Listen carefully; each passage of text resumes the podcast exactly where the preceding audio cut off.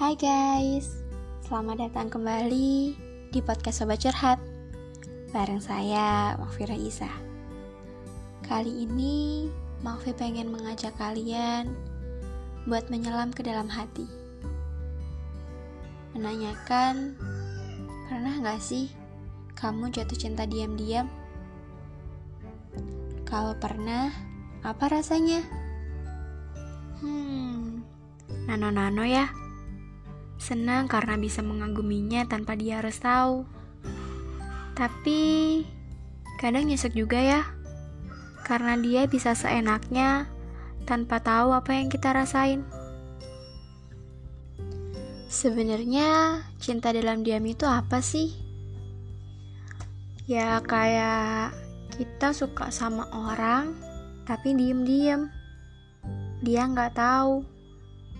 Seperti menyembunyikan perasaan di balik semuanya. Ia berjalan aja seperti seharusnya. Pura-pura aja sok temenan. Ya gitu.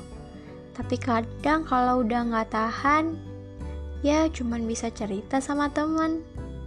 Pernah ngalamin? Sama juga kayak gitu. iya, sama. Kenapa sih kok milih cinta dalam diam? Karena nggak berani bilang ya. Iya sih sebenarnya. Karena saya nggak cukup berani buat bilang suka. Karena saya nggak cukup berani buat bilang sayang. Tapi buat saya itu juga seru. Kita jadi orang misterius di balik semuanya. Lucu nggak sih? Kalau nanti jodoh kita itu orang yang kita sukai diem-diem. Ih, jadi bayangin kan kalau misalnya nanti saya sama suami saya ngobrol cerita-cerita, ih apa sih kejauhan. Oke, lanjut lagi. Apalagi kalau orang yang kamu suka itu sebenarnya teman kamu sendiri, sahabat kamu sendiri. Pasti lucu ya.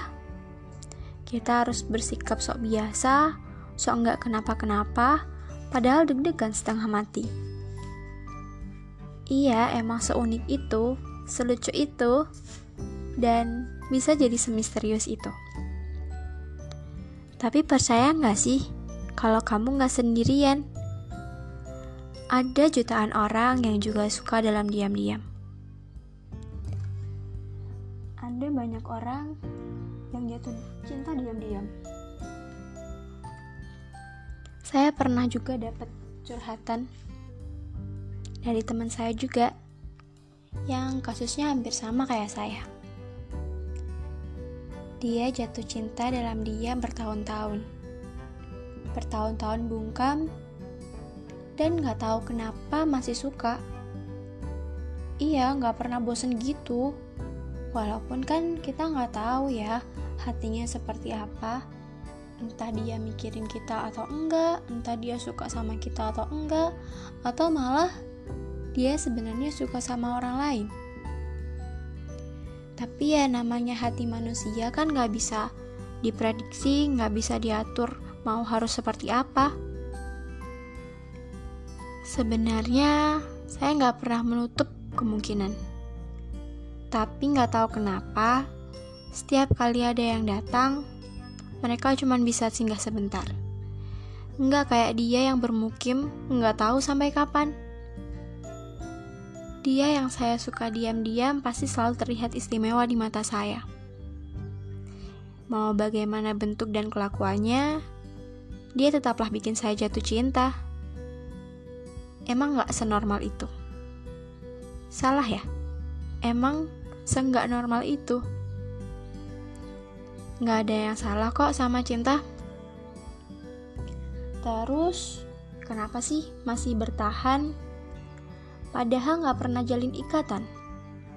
Bahkan, sekedar komitmen pun enggak. HTSan juga enggak. Jawabannya cuma satu.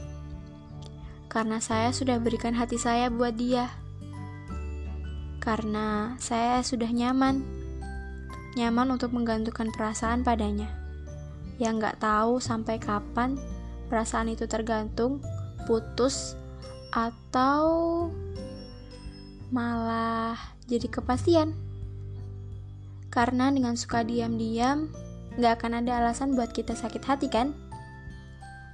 Walaupun nantinya dia nggak sama saya, walaupun nantinya dia sama orang lain, kan tetap aja kita nggak bisa benci orangnya. Ngapain juga kan? Orang kita sukanya sendirian, kita nggak pernah bilang juga.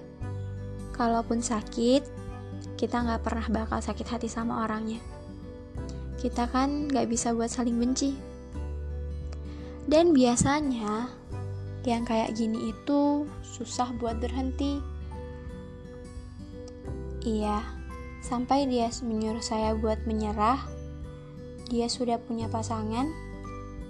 Dia sudah memutuskan sebuah hubungan.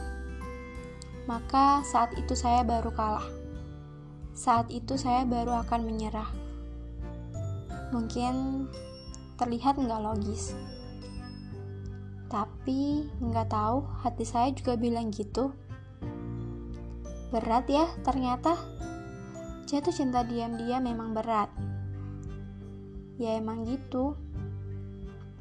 Kalau jatuh cinta diam-diam, bisa ngapain aja coba?